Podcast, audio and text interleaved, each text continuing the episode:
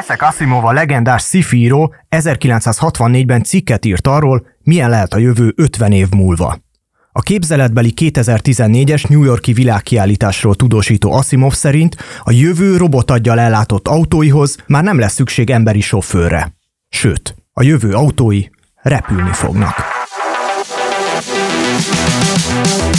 Az emberiség évezredek óta megszállottan spekulál a jövőről. Itt az idő, hogy megnézzük, mit ígért nekünk a technológia, és hogyan váltak be az ígéretei. Ez az Ott vagyunk már, a Brain Bar és az Index közös podcast sorozata Nagy Ildivel és Baranyi Marcival. A Porsche már jövő időben gondolkodik. Ez szerint készül az összes modell. Közös szenvedélyünk a jövő, és az is, hogy milyen kihívásokkal kell megküzdenünk az oda vezető úton. Az Ott vagyunk már kiemelt támogatója a teljesen elektromos Porsche Taycan, a Porsche Centrum Budapest forgalmazásában. Na hát sziasztok, kedves hallgatók! Ebben az adásban, ahogy már itt elhangzott, a repülő autókról, meg úgy egyáltalán az autózás jövőjéről fogunk beszélgetni, és azt hiszem, hogyha van elszállt jóslat minden értelemben. Igen, akkor, akkor ez biztosan az, a, ami a repülőautókra vonatkozik. Nem csak Asimov tett ilyen jóslatokat, hanem például Henry Ford is. Ez engem például nagyon meglepett egyébként, vagy mindig úgy képzeltem a közgazdasági tanulmányaim során, hogyha valaki tényleg a racionalitás, igen. Hát ugye, aki, aki ezt a futószalagrendszert is így van, kitalálta, így van. azt mondta, hogy mark my word, tehát jól vésétek az eszetekbe, 1940-ben mondta ezt így a második világháború közepén, hogy, hogy lehet ezen nevetni, de eljön majd itt, ahogy, amikor az a kor, amikor egyesülnek az autók meg a repülők, uh-huh. és akkor ehhez képest meg, meg van ez a mondás, ami most már ilyen mémé vált, hogy, hogy where is my flying car? Tehát, hogy hol a fenébe vannak ezek a repülőautók? Hát ez jó kérdés, hogy hol vannak, és tök, tök izgalmas volt engem is, amikor picit megpróbáltam ennek a, nem is tudom, gyökeréhez visszamenni, hogy egyáltalán honnan jött ez az egész ötlet. Én, én szerettem megnézni azt, hogy egyáltalán miért kötődünk mondjuk egy adott tárgyhoz annyira, mi az, ami miatt úgy ragaszkodunk ez az ötlethez, mert az, az tény és való, hogy míg realitásban nem nagyon látjuk ezeket a dolgokat az utcán, nem száll föl reggel mellettem a szomszédba az autó, ami kicsit szerencsé meg gondolj be, milyen hangos lenne. Hát, de... hogy én se szállok ki a dugóból, és aztán előzöm meg a levegőben az egész kocsisort. Az elég érdekes szabály lenne, nem, hogy van, aki ott marad a kocsisorban, van, aki meg felszáll. Szóval, hogy ezt nem nagyon látjuk tényleg a hétköznapokban, ez, ez nem jelenik meg. Viszont ahol meg nagyon megjelenik, az mindenképpen a különböző skifik, filmek világa, és mint hogyha újra meg újra visszatérne, holott ez már egy elég ilyen, kicsit ilyen lejárt toposznak hangzik, de mégis azért előveszik az emberek, és tele van vele minden második ilyen Hollywoodú blockbuster film. Na de erről szól ez a mém is, nem? Hogy, hogy miközben a, a filmvásznon tök oké, tehát senki se szól be uh-huh, azért, uh-huh. hogy ú, ott egy repülőautó, hát az, az nincs, az nem, nem is lehetséges. Jó, hát mondjuk Simán a Tesserák meg a, na mindegy, igen, szóval, hogy nem szólnak be érte valóban. Hát, mert egy, nem tudom, egy hiteles jövőbeli technológiának tűnik. Ez igaz, igen. Tehát ott van a, mit, az, az ötödik elem jut eszembe, vagy a szárnyas fejvadász, aminek a folytatása is. ugye?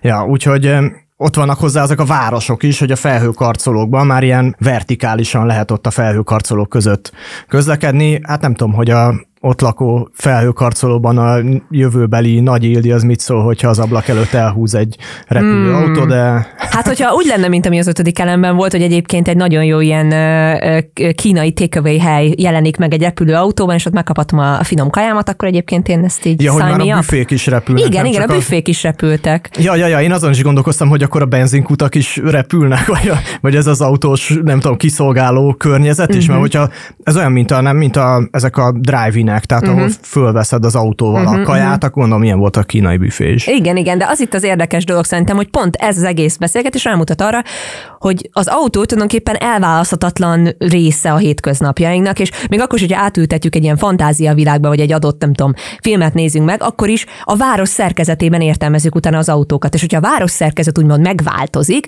akkor mintha megváltozna az autók szerepe is hirtelen, nem tudom, repülni kezdenek. De azon gondolkoztam, amikor készültem erre az epizódra, hogy mikor választódott el ez a két dolog egymástól. Tehát mikor volt az, hogy egyszer, elkezd, egyszer csak elkezdtünk repülőket készíteni, és autókat készíteni, és hogy ahogy a, ebből a Henry Fordos példából is láthattuk, voltak olyan kísérletek, amikor ezt a két irányt újra össze akarták hozni, de valahogy ez technológiailag aztán mégsem sikerült. És ma már viszont ott tartunk, hogy ki, mintha kialakult volna két teljesen infrastruktúra, két közlekedési nemre, és annak különböző szabályai vannak, másfajta biztonsági előírásai vannak. Szóval most már nagyon érdekes lenne összefűzni azt, hogy mondjuk milyen légi irányítási szabályok vannak azzal, hogy egyébként milyenek a kressz szabályok, amiket én kedves hallgatók légi, nagyon próbálok most megtanulni éppen, úgyhogy igen. Ja, tehát neked nincs jogsid. Be kell vallanom, nincsen, nincsen jogsim, úgyhogy legalább itt egy teljes skálát hallhatnak majd a hallgatók, mert spoiler, érkezünk hozzánk egy igazi autószakértő, úgyhogy Úgyhogy teljes skálát felvonultatunk itt most a hallgatóknak. Egyébként a kérdésedre válaszolva, én ennek utána néztem, és az első autó, azt mondjuk 1885-re uh-huh. datálják, az első repülőt meg 1903-ra, ah. tehát mondjuk egy 20 év különbség van a két technológia, hát nem is a feltalálása, de hogy egy a működése, az első működő modellek között. Úgyhogy ez a technológiai szakadék, vagy ez a 20 éves szakadék azóta is így igazából velünk van, és mintha így tolnánk magunk előtt ezt a, ezt a dolgot. Bele így a sci-fi irodalomban, meg, Igen, meg, meg filmekben. Ahol még megvalósítható, kérdezem én. De ugye akkor az is érdekes, hogy beleolvastam egy ilyen az autózás története, vagy valami ilyesmi könyvbe, és ott volt egy olyan felvetés az elején, hogy az azzal kezdte az író, hogy miért ne, ez egy nagyon pozitivista úriember volt, ő, az, ő még szerintem szeretné ezeket a repülőautókat látni, és az volt a egyik felvetése, hogyha mondjuk az emberre tekintünk, akkor se úgy nézünk magunkra, mint ez egy kombinációja egy sétálni képes állatnak és egy úszni képes állatnak, Aha. hanem egyszerre mind a kettő. És úgymond miért nem így állunk ezekhez a közlekedési eszközökhöz is, hogy valami, ami mindegyikre képes. És akkor ez újra így megmozgatott kicsit, hogy ha, de ez viszont már egy ilyen James Bond film, nem? Amikor egy, egy autó átalakul egy ilyen motorcsónaká, aztán felrepül az égbe egy helikopterré, szóval ez már, ez már a, azért a hihetőség határán táncol, nem? Igen, igen, mindenképpen a hihetőség határán táncol, de ugyanakkor én nekem azt kell, hogy mondjam, és lesz, én ezt fogom képviselni most ebben az epizódban, ezt az ilyen reménykedőt, hogy azért amikor ránéztem ezekre az ilyen futurisztikus autómodellekre, és hogy különböző ilyen design koncepciókra, amik így kezdnek kijönni, hát engem határozottan erre emlékeztet. Olyan volt, mint valami kétéltű, ami így egyszer így becsúszik hirtelen vízbe, aztán kijön, hát egy, egyrészt gyönyörűen néztek ki, tehát ez az egyik. A másik pedig az, hogy láttam olyan példákat is, mint repülő taxi koncepciók, amiket viszont már teszteltek is. Szóval akkor mi van ezzel a történettel? Ja, nem olyan, a, mint egy a taxik, amik ilyen felhőkarcolók tetejéről a másik uh-huh. Felhőkarcoló tetejére átvisznek, így megkerülve ugye a hát forgalmat. Igen. De hát azok ugye annyira talán nem, nem gurulnak, vagy közúti közlekedésbe annyira, Á, szóval annyira nem játszanak. Hát vagy, vagy, vagy inkább az a helikopternek egy módosított változata? Látod, itt már is gondba kezdek lenni, hogy akkor melyik melyik. De tulajdonképpen akkor az lehet, hogy nem a repülőautó. Hmm. Én azért gondolkoztam sokat ezen, mert, mert az autó az valahogy a személyes szabadságnak egy ilyen szinonimája, vagy metaforája is, igen. hogy, hogy ez az autó az enyém, és oda, vegy, oda megyek vele, ahova akarok, és akkor, amikor akarom, és azzal, akivel akarom. Tehát, tehát, tehát egyfajta, egyfajta ilyen individualizmusnak is a, a megtestesítője az autó, meg persze elvihetem a családomat, a barátaimat, rokonaimat, tehát azért ez is benne van. Tehát egy közlekedési eszköz, de benne van ez a lehetőség is, uh-huh. az, hogy, hogy, ezek, hogy úgy vegyem a birtokomba a teret, ahogyan igazából én szeretném. Hmm. És nem, nem kell más rendszerekre, tömegközlekedésre, menetrendekre támaszkodnom. Aztán persze, amikor ezek az egyéni szándékok így összeadódnak, meg egymásba mennek, akkor azért mégiscsak ki kell alakítani erre valami, valami rendszert, meg azért, hogyha dugó van az autópályán, akkor mégse akkora jutok el, amikor uh, szeretnék, akkor vagy hogyha baleset... csak jobb a tömegközlekedés? Aha, tehát ezek, ezek nem elváló, vagy nem, nem, nem ilyen kategóriáként szerintem szétváló dolgok. Úgyhogy szerintem ezért foglalkoztatja így a, a, a, az emberiséget, vagy ezért érdekel minket, hogy, hogy mi lesz így az autóinkkal, és ahogy a repülés is egy ilyen, a szabadságnak egy másik ilyen megtestesülése, elszakadni a földtől, meg így a, nem tudom, így a fizika szabályaira fityet hányni, valójában ugye persze nem, hiszen a fizika szabályai miatt is tudunk repülni, de hogy valahogy ez a két ilyen szabadság koncepció ezek így, ezek így jól összekapcsolódnak. Igen. Ez az individualizmus, ez egy nagyon érdekes felvetés, mert ez volt még egy másik dolog, amiből így valaki, aki még nem tud vezetni, de már nagyon dolgozik rajta, irányból úgy kapcsolni tudtam a témához, hogy az autókkal kapcsolatban nagyon sok ismerősömnél látom azt, hogy rettetesen kötődnek az autóikhoz azt kell, hogy mondjam, hogy még így a maguk képére is formálják őket sokszor, vagy, hát, vagy úgy választják, neki. nevet adnak neki, úgy választják ki, hogy annak legyen valami design eleme, ami nekük különösen tetszik, ami reprezentálja őket, ami az ő identitásuk kiterjesztés, és ez, ez tényleg mondhatni mindenkire igaz. Um, amikor autót választ, ezért szeretné, hogy még akkor is, hogy a funkcionalitásra megy rá, az, az autó az, az valamilyen szinten ugye az ő kiterjesztett énje legyen, és az egyébként ez egy tudatos dolog egy csomószor az autógyártók részéről. Mert olvastam például, hogy van egy ilyen kifejezés, hogy pareidólia, hát nagyon remélem, hogy jól mondtam, amit tulajdonképpen arra megy rá, hogy az autóknak direkt arcot is terveznek, mert ez a kifejezés azt mondja, hogy az agyunk tulajdonképpen úgy reagál, hogy valami ismerőset lát, hozzá hasonlót, ilyen esetben például akár emberi, akár állati arcot lát, akkor rögtön elkezd kialakulni, úgymond tudat alatt ez a fajta kötődés.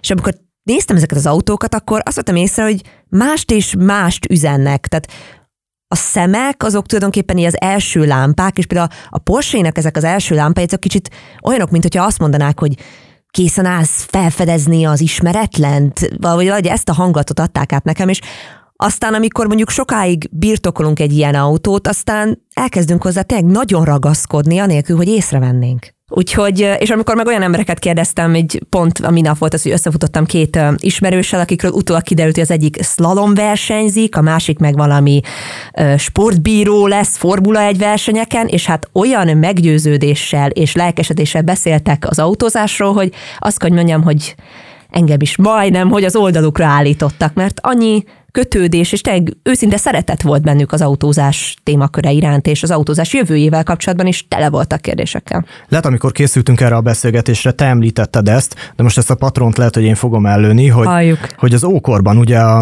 a, a nagy emberek azok maguk mellé temették a, hát éppen a a kocsijukat, vagy a szekerüket, vagy hintójukat. Így van, így meg van. Meg a lovaikat is, uh-huh. ugye sokszor, a vikingek meg a hajójukat. Tehát le, lehet, hogy most is vannak olyan emberek, akik maguk mellé temetik a, az autójukat. Simán ezt nem igazán tudom, de hogy ennyire ilyen régi tulajdonképpen ez a kötődés, annak ellenére, hogy egy, nem tudom, egy ilyen egy prózai közlekedési eszközről van egy szó. Egy használati tárgyról amiből, van szó. Amivel szeretnénk eljutni A-ból B-be. Így Tehát van. ugye azért ennél az autók többről szólnak. És az tényleg nagyon izgalmas, amit most beosztál, és örülök, hogy emlékeztettél rá, hogy ez egy nagyon univerzális dolog. Tehát amikor ennek után néztem, akkor tényleg találtam a nem tudom, egyiptomi fáróktól a különböző ilyen szibériai törzsekig, tehát hogy így ez majdnem, hogy mindenütt megjelenik ez a különleges használati tárgy iránti kötődésünk. Érted, ha lenne egy Porsche, lehet én is magam mellé temetném de hogy nekünk most nem egyedül kell itt megfejtenünk a repülőautóknak a misztikáját, meg az autózás jövőjét, úgyhogy hívtunk ebbe az adásba ismét egy különleges vendéget, úgyhogy kérlek fogadjátok szeretettel Várkonyi Gábor autóipari szakértőt. Na, szia Gábor! Nem árulok el nagy titkot, hogy, hogy nem repülőautóval érkeztél ma hozzánk. Majdnem. Sziasztok. Pedig ugye itt az úton pont eléd állt egy kukás autó, úgyhogy akár ez is lehetett volna a megfejtés, hogy egyszerűen benyomod a magassági kormányt, és, és úgy állsz be a parkolóba, de hogy, hogy adódott, hogy nem repülőautóval repkedünk most itt a városban. Hát sziasztok még egyszer. Vannak olyan részei a skifi irodalomnak, amelyek meglepően gyorsan valósultak meg, egyébként ahhoz képest, hogy mikorra gondolták megvalósíthatónak ezeket az ötleteket, és vannak olyan részei, amelyek szerintem továbbra is a messzi távolba vagy a meg nem valósultság kategóriájába fognak esni, hosszú távon is. És a repülőautó egyébként az az érdekes, hogy egy létező műfaj, tehát hogy vannak erre példák, vannak olyan cégek, és, és konzekvensen újra és újra előjön ez az ötlet. Igen, erről nem beszéltünk, hogy egyébként nem tudom, mikor ennek utána néztem, hogy több száz működő modellt készítettek már, ami egyszerre gurul is és repül is. Persze. Tehát nem, az a, nem azzal van a probléma, hogy ez nem létezik ez a műfaj, hanem hogy közúti nem közlekedésben el? nem terjedt el, hanem a hagyományos autó alakult el. Persze. Ha abból az abból az irányból próbáljuk megközelíteni ezt a kérdést, hogy már önmagában egy, egy hagyományosnak mondható autó hány féle kompromisszum horizonton kell, hogy teljesítsen, és mindezt annak tükrébe kell, hogy tegye, hogy ez az egész megfizethető kell, hogy maradjon, hmm. akkor, és ez nagyon-nagyon fontos, tehát az álmodozás és a tömegtermelés az, az egy nehezen összeegyeztethető kérdéskör, és egyébként engem ezért is érdekelt mindig is jobban egy átlagautónak a, az ökonomiája, mint az, amikor mondjuk szupersportautóknak a teljesítő képességéről beszélünk, mert az egy, az egy tök érdekes dolog, amikor kvázi nincs megkötésed anyagi értelemben. Akkor lehet álmodozni, de az átlag ember átlag mobilitását megoldani belátható költségek mellett az egy, az egy nagyon-nagyon izgalmas feladat. De akkor jól értem, hogy azt mondod, hogy, hogy a repülő autóval egy probléma van, vagy ez a legnagyobb probléma az ára, és az, hogy, hogy tömeggyártása nem alkalmas? Hát, hát sok minden egyszerre, de, uh-huh. de hogy, hogy az első, szerintem az első akadály, ami ezt az egészet nagyon kíméletlenül elgáncsolja, az, az maga a költséghatékonyság kérdése. Uh-huh és utána jön az összes többi. Tehát, hogy az infrastruktúrától kezdve a, a technológiai megvalósításon át egy halom dolog adódik rá erre az alapvető elgáncsolásra, ami, ami úgy néz ki, hogy egyszerűen ezt nem lehet kihozni olyan összegekből, ami reálissá tenni ennek a, a kvázi tömeges elterjedését, meg hát tényleg azért az infrastruktúra szorosan követi ezt a, ezt a problematikát. Tehát meg egy kicsit a harmadik, ezt már talán én így, így, így magamtól tenném hozzá, hogy onnantól fogva, hogy valami repülni is tud, mi a francnak guruljon. Tehát, hogy... De ez már... a leszálláshoz hát ezek, kell. Ezen Igen. egyébként a repülőautók fejlesztői sokat gondolkoztak, hogy, hogy most a repülőautó az egy repülő, ami gurul, vagy egy autó, ami repül, és nem biztos, hogy erre született végleges megoldás, azt hiszem erre a dilemmára. Igen, úgyhogy egy kicsit hogy mondjam, gyakorlati kérdésekkel nézem ezt az autózás tematikát, de az biztos, hogy az általatok is említett például kettő emblematikus film, ahol egyébként ezzel szerintem sokat találkoztak a, az emberek, az, az így megbirizgálja az ember fantáziáját, de azért hozzáteszem azt is, hogyha jól belegondolunk ezekbe a filmekbe, mind a kettő egy elég sötét utópiát vázol hmm. föl. Tehát Látod, nem biztos, erről hogy... is feledkeztem, hogy a nosztalgia, nem is tudom, utazásomon erről is feledkeztem, hogy tényleg nem túl jó jövők voltak. Nem azok. biztos, hogy kívánatos az a világ, azt gondolom. Hmm. Az, az a zsúfoltság, ami, amire ez lett volna a válasz, az nem biztos, hogy az az irány, amelybe, amely irányába fejlődnünk kellene szerintem, de az biztos, hogy a különböző irányai a történelemnek, vagy éppen a városépítészetnek, amiről uh-huh. itt szó volt a felvezetőben, azok mindenképpen kölcsönhatásban vannak azzal is, hogy mivel közlekedünk. És egyébként erre, ha, ha egy kicsit elindulatunk egy, egy másik nyomon, városépítészet kapcsán például nagyon izgalmas felvetések vannak abban a tematikában, hogy mondjuk az önvezetés, ha valóban megvalósul, Aha. akkor az hogyan fogja befolyásolni mondjuk azt a városképet, amit eddig ismertünk. Elárulom, hogy gyökeresen. De várj egy pillanatra, itt még álljunk meg egy picit, hogy az önvezetés te már ilyen evidenciaként kezeled, az egy olyan dolog, ami... ami Távolról jön. sem. Uh-huh. Távolról sem. És az önvezetés és önvezetés között is, tehát a fogalom is egy olyan kérdéskör, ami, amit érdemes azért több rétegre szétszedegetni, uh-huh. és egyenként megvizsgálni, hogy hány, a hagymának hány héja van, és uh-huh. akkor a, a végén a, a közepére jutva mit vezetünk, vagy mit, neve, mit vezetünk, vagy mit nevezünk végső soron önvezetésnek. Nagyon sok osztatú ez a probléma, és nagyon sok síkon áll szemben egymással különböző cél, és, és az ahhoz elérés, annak eléréséhez szükséges technológia ellentmondása. És mik ezek a hagymahéjak akkor, amik, amik az önvezetés jelentik? Például az egy, az egy nagyon jól elkülöníthető iskola, ami azon osztat mentén nézi az önvezetést, hogy kell-e tudnia egy autónak föltalálnia önmagát minden környezetben, anélkül, hogy ismerni ezt a környezetet.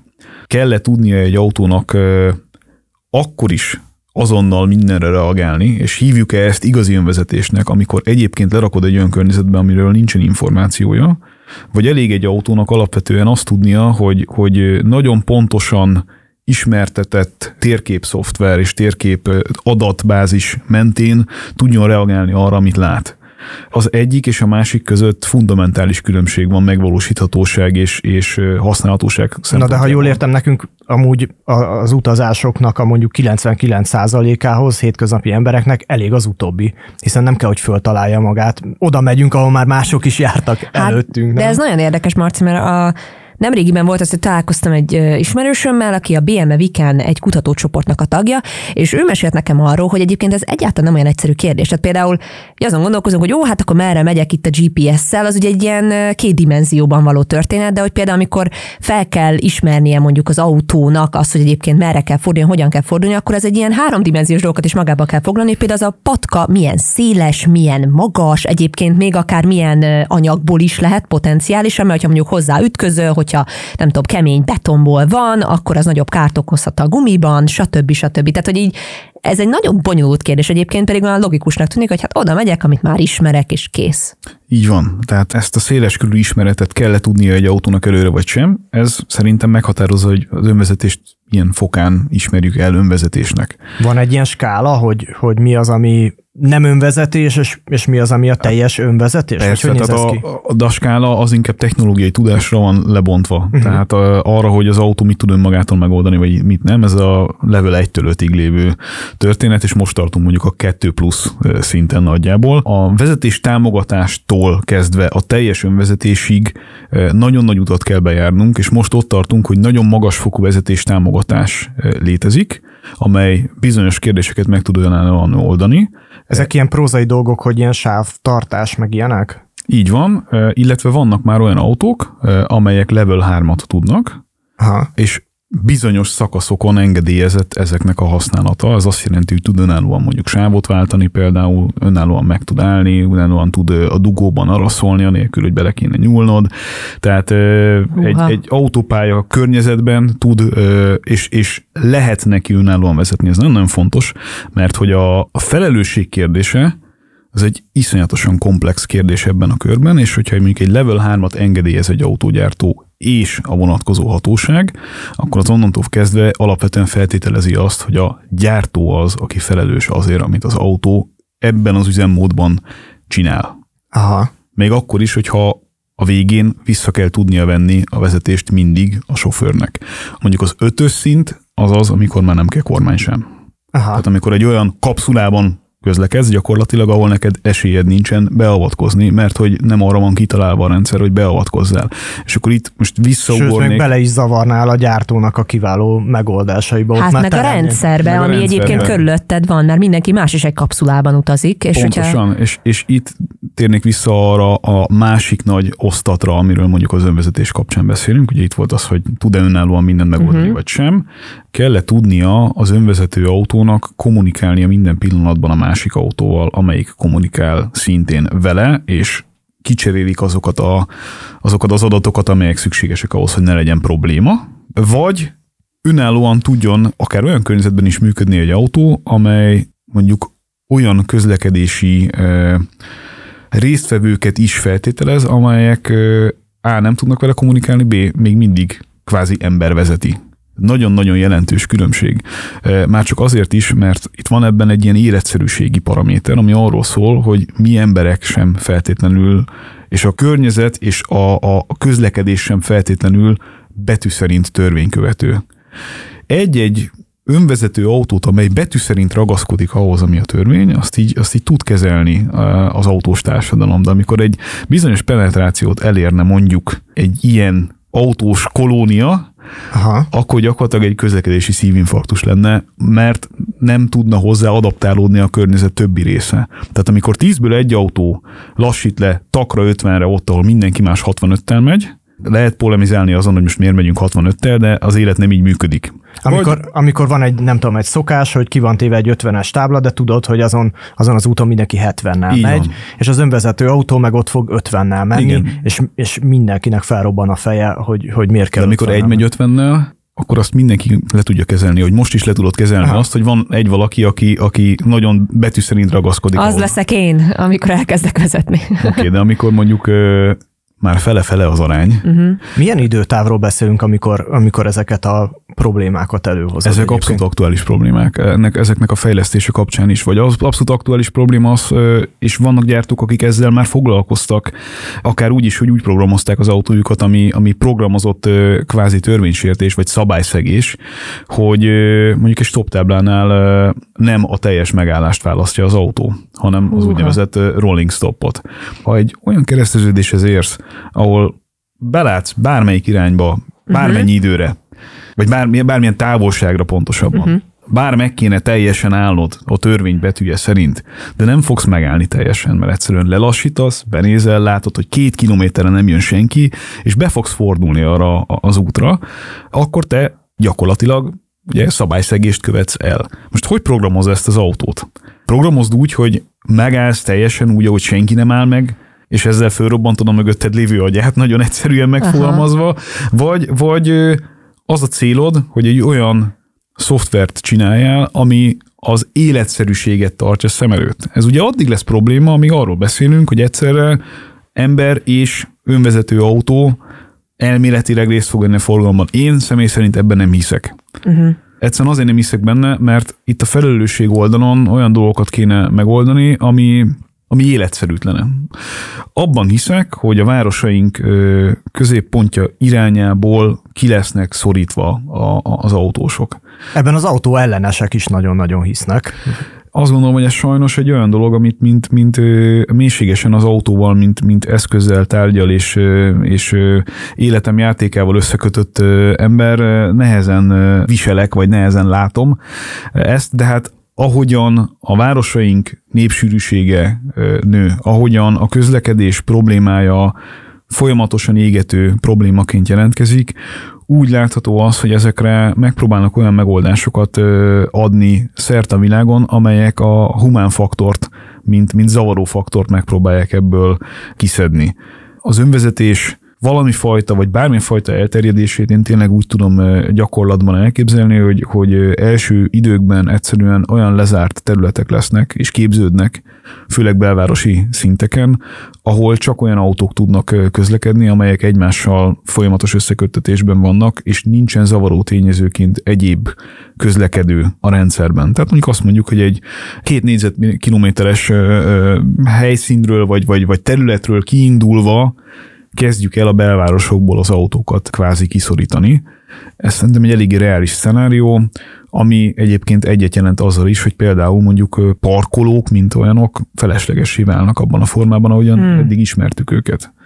Tehát egy, egy erős közlekedés redukció lesz mondjuk egy, egy belvárosi szinten, viszont azok az autók, amelyek ott cirkálnak és adott esetben képesek arra, hogy ezt a területet normálisan lekezeljék, azok egy lényegesen nagyobb kihasználtsággal fognak működni.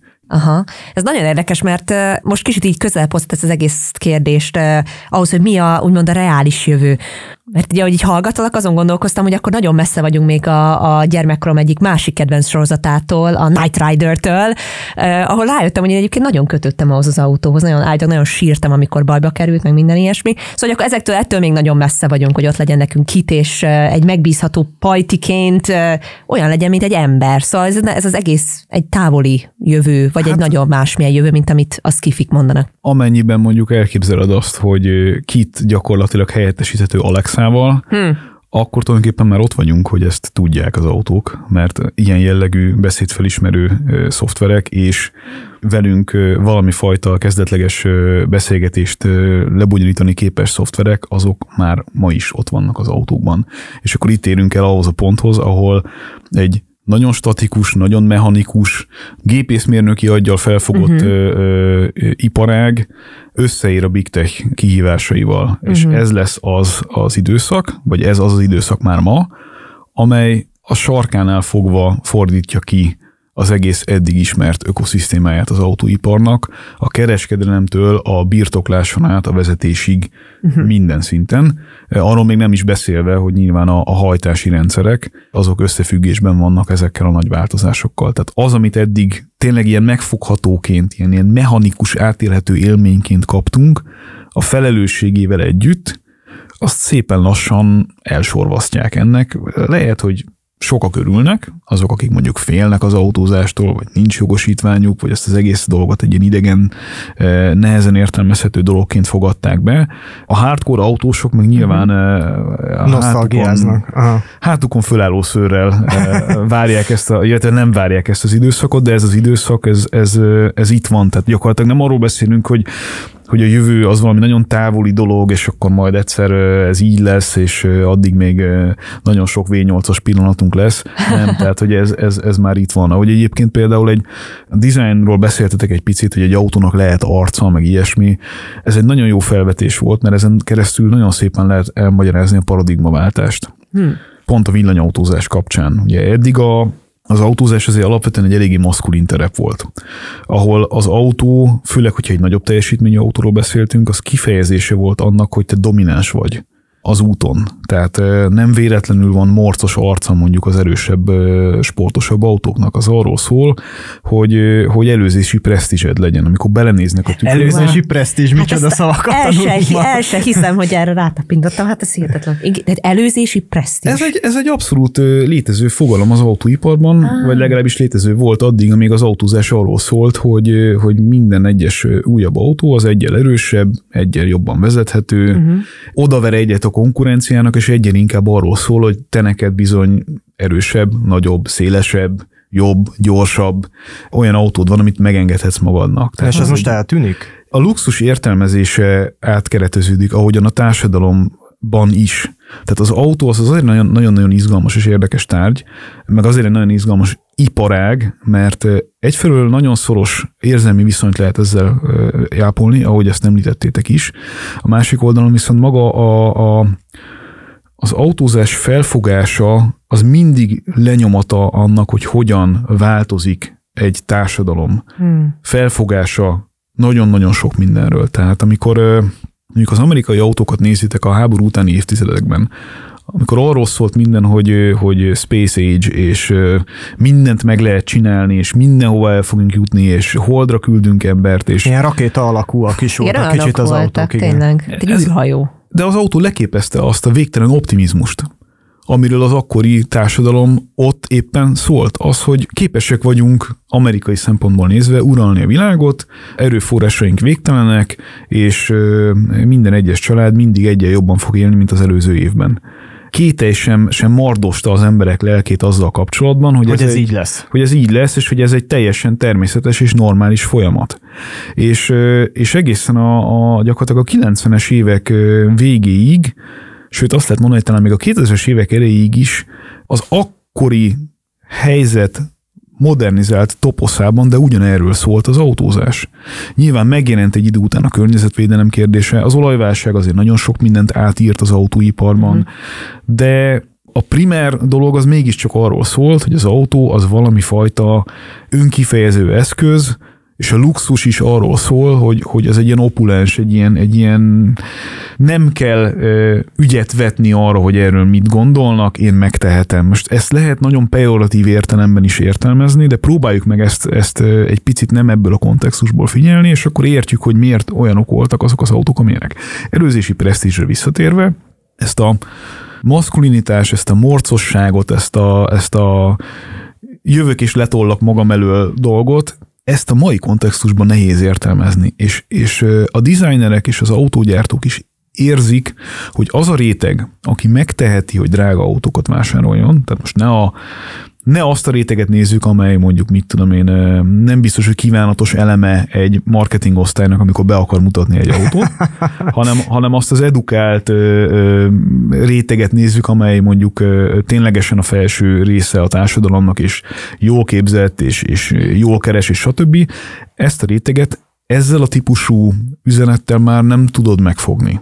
Egy, egy modern designban nem arról szól egy mai autó, hogy hogy én domináns vagyok, hanem arról szól egy mai autó, hogy én egy... Együttműködök? együttműködő, barátságos, a föld sorsát a szívemen viselő user vagyok, aki ezt hajlandó keményen megfizetni egy, egy villanyautó formájában. Jól sejtem, ezek egyébként egy idő után leszűrődnek majd a másfajta autó piaci rétegekbe is. Tehát, hogy akkor mondjuk van egy vezető márka, aki előjön valami nagyon trendi dolog, azok egy idő után gondolom akkor megjelennek más rétegekben is. Persze, persze, persze, és a, a, a luxus újrafogalmazása az egy ilyen, az egy ilyen az autó iparon átívelő, tehát a modelleken, meg az árukon is átívelő uh-huh. történet lesz. Amíg régen a luxus azt jelentette, hogy az én autóm többet tud, erősebb és kényelmesebb, addig ma a luxus kezd átkereteződni abba az irányba, hogy, hogy az én autóm több időt ad nekem. Tehát levesz terheket az én vállamról, például vezetés közben. Amikor alkalmam van ilyen autóba ülni, akkor kicsit úgy érzem, mint egy tulajdonképpen egy számítógép az, ami, amiben vagyok, és az egész ilyen digitális élmény, mert hát ugye a telefonom az kulcsfontosság, hogy akkor rögtön hozzákapcsolja, merre megy, mit csinál. Hát egyébként ilyen is székeket is láttam, hogy, hogy, egyre... adatot küld róla a szék, amikor benne ülsz, akkor egyébként felméri, hogy neked az nem tudom most éppen milyen az egészségügyi állapotod, és a púzusod milyen. Nem, hogy közben egy teljes orvosi igen, izé, igen. ad, miközben utazgat izgatok. Akár, így van. Az ütötte meg a fülemet, amit, a, amit még egy kicsivel korábban mondtál, hogy itt a tulajdonlás is át fog alakulni. Most azt a trendet látjuk talán, de javíts ki a tévedek, hogy tényleg egyre több autó van, és egyre több ember talán engedheti meg magának, de közben megjelent mellette ez a car sharing, tehát az autó megosztási trend is, ami meg épp az ellenkező irányt jósolja. Hogyha a varázsgömbödbe tekintesz, akkor mit látsz magad előtt? A növekvő autó tulajdonlást, vagy a, vagy a carsharingnek a, az elterjedését? Ha az autó sűrűség, illetve az autó tulajdonlás mértékét nézzük, akkor minden ilyen ellenkező híresztelés ellenére az a helyzet, hogy egyre nagyobb az autósűrűség mindenhol, a nyugati világban is. Tehát ez nem visszafelé forduló trend, a, a, jelenleg ismert, vagy, vagy sokat hangoztatott ilyen nagyon progresszív elképzelés az arról szól, hogy meg azt súlykolja, hogy A, a fiatalok kevésbé érdeklődnek a jogosítvány, meg a, a jogosítvány szerzés, meg az autózás, meg az autó birtoklás iránt. B, ez az egész trend, ez ki fog terjedni a társadalom egészére, és egyébként is kevesebb autót akarnak majd az emberek venni. Ez lehet, hogy az elméletben tök jól hangzik, csak a gyakorlat az, meg a számok nem ezt támasztják alá, pláne nem egy, egy pandémia utáni e, időszakban, ahol a személyes autó, e, meg, meg a személyes visszahúzódási tér e, szembeállítva mondjuk a tömegközlekedéssel, az egy újabb értelmezést kapott. Mm. Ez nem azt jelenti, hogy, hogy ez a trend örök így fog fennállni, de ha mondjuk itt a carsharing kapcsán nézzük azt, hogy, hogy ez kiváltott-e tömegesen önálló autót, akkor az elég egyértelműen azt lehet mondani, hogy nem. Egy kiegészítő tömegközlekedés mellé felvett közlekedési forma, ami arra alapvetően pláne családalapítás utáni időszakban nem alkalmas, hogy ki, ki ö, váltson egy saját autót. Ezzel együtt a mostani autóknak a zöme nem kelt olyan érzelmeket már az emberekben, mert egyszerűen nem olyanok ezek a mai autók, hogy azt az égető birtoklási vágyat érezzék az emberek, ezért az autózás maga sokkal inkább egy, egy kicserélhető termék lesz, ahol a mobilitásért fogunk a hosszú távon fizetni igazából, és nem azért, hogy legyen egy saját autónk. Tehát a trend az valószínűleg ténylegesen ebbe az irányba megy. Az autózás az továbbra is egy nagyon-nagyon érdekes dolog az emberek többsége számára, csak törvényi úton is olyan irányba alakulnak a dolgok az autóiparban, hogy jelentősen drágábbak az autók, Nyilván ebben van egy technológiai váltás, ami komoly költségekkel jár, tehát ez is egy olyan költség növelő tényező, ami nehezebben elérhetővé teszi az új autót a legtöbb ember számára, független attól, hogy egyébként jóléti társadalomban élünk-e vagy sem, tehát hogy, hogy ez Nyugat-Európában is egy teljesen világosan látható trend, hogy messze-messze-messze infláció fölötti növekedést lehet látni az autóárakban, nagyon sokkal fölötte az inflációnak. De akkor ez az árnövekedés nem azt jelenti, hogy szívesebben választja valaki azt, hogy oké, okay, akkor nem kell, hogy saját autóm legyen, viszont az autó, mint közlekedési eszköz oké, okay, és akkor inkább veszek egy ilyen, hát mondjuk ilyen bérletet a valamilyen carsharing szolgáltató. Adott esetben igen, de ez inkább egy kiegészítés. A helyzet az, hogy ugye itt üzleti oldalon is vizsgálni kell ezt a kérdéskört, és ott a, ott a számok azért nem annyira egyértelműek. Az, hogy a user mit szeretne, meg hogy mit hajlandó ezért fizetni, az nagyon-nagyon-nagyon messze van egymástól. Ezt, ezt világosan lehet látni minden egyes olyan felmérésben, amikor azt próbálják vizsgálni, hogy itt milyen összegeket hajlandóak meg ténylegesen milyen összegeket fizetnek adott esetben userek azért, hogy mondjuk az autóbirtoklás felelőssége és problémaköre legyen véve a vállukról. Ezzel együtt is hozzá kell azt tenni persze, hogy minél nagyobb egy város, annál lehetetlenebbé teszik gyakran, gyakran mesterségesen is az autóbirtoklást, ami akkor, hogyha emellé adnak egyébként élhető alternatívákat, nem feltétlen baj városi szempontból nézve. A gond szerintem általában ott van, amikor az egyik oldalt kvázi tiltják, a másik oldalt meg nem feltétlenül zárkóztatják föl, mint reális alternatívát ehhez. De egy általános autóellenesség az, az egyébként Európában teljes mértékben a politikai mainstream termék lett bizonyos oldalakon. Ahogy mondjuk például, most megint egy ilyen kézzelfogható példa, ugye Franciaországban minden egyes autóreklám mellé hozzá kell tenni azt, hogy mondjuk egy rövid utat milyen alternatív úton tudnál megtenni. Kvázi úgy, mint amikor a dohányosoknak a, a figyelmét felhívják arra, hogy a dohányzás káros. Úgy beszélnek most az autózásról, mint hogy az autózás egyébként egy káros tevékenység. És ezek szépen hosszú távon nyilván egy, egy, egy formáló erőként lépnek föl, ami egy anakronisztikus megoldásnak próbálja bemutatni az egyéni autóbirtoklást. Meglátjuk, hogy ez, ez, ez mennyire rezonál arra, amit a társadalom akar, mert eddig a, a gyakorlati tapasztalat az inkább azt mutatja, hogy eléggé e, függetleníti magát az autóbirtoklás kérdése attól, hogy hova növeljük ennek a költségeit. Tehát, hogyha megnézzük, hogy mondjuk az üzemanyagár van-e kihatással arra, hogy mennyit autózunk, vagy hogy a dráguló autó kihatása van-e arra, hogy mennyi autót vásárolunk, akkor elég azt lehet látni, hogy úgy, úgy alapvetően nincs. Tehát, hogy a, a saját autót azt azért alapvetően a nap végén a többség még mindig nagyon-nagyon szeretné. És én ennek alapvetően örülök, ezt kell nyilván hozzátennem a magam részéről. Az mennyire egyértelmű, hogy beszéltünk arról, hogy az önvezető autó az már tehát így mondjuk így, hogy sinem van ez a koncepció, lépegetünk feljebb ezeken a szinteken, amiket említettél, hogy eljussunk mondjuk a teljes ilyen kapszulában ülve, ötös, szint. ötös szintű kapszulában ülve önvezetéshez, ahol már nincs kormány sem mi fogja hajtani ezt, a, ezt az önvezető autót? Tehát egyértelmű az például, hogy ez, hogy ez elektromos lesz-e?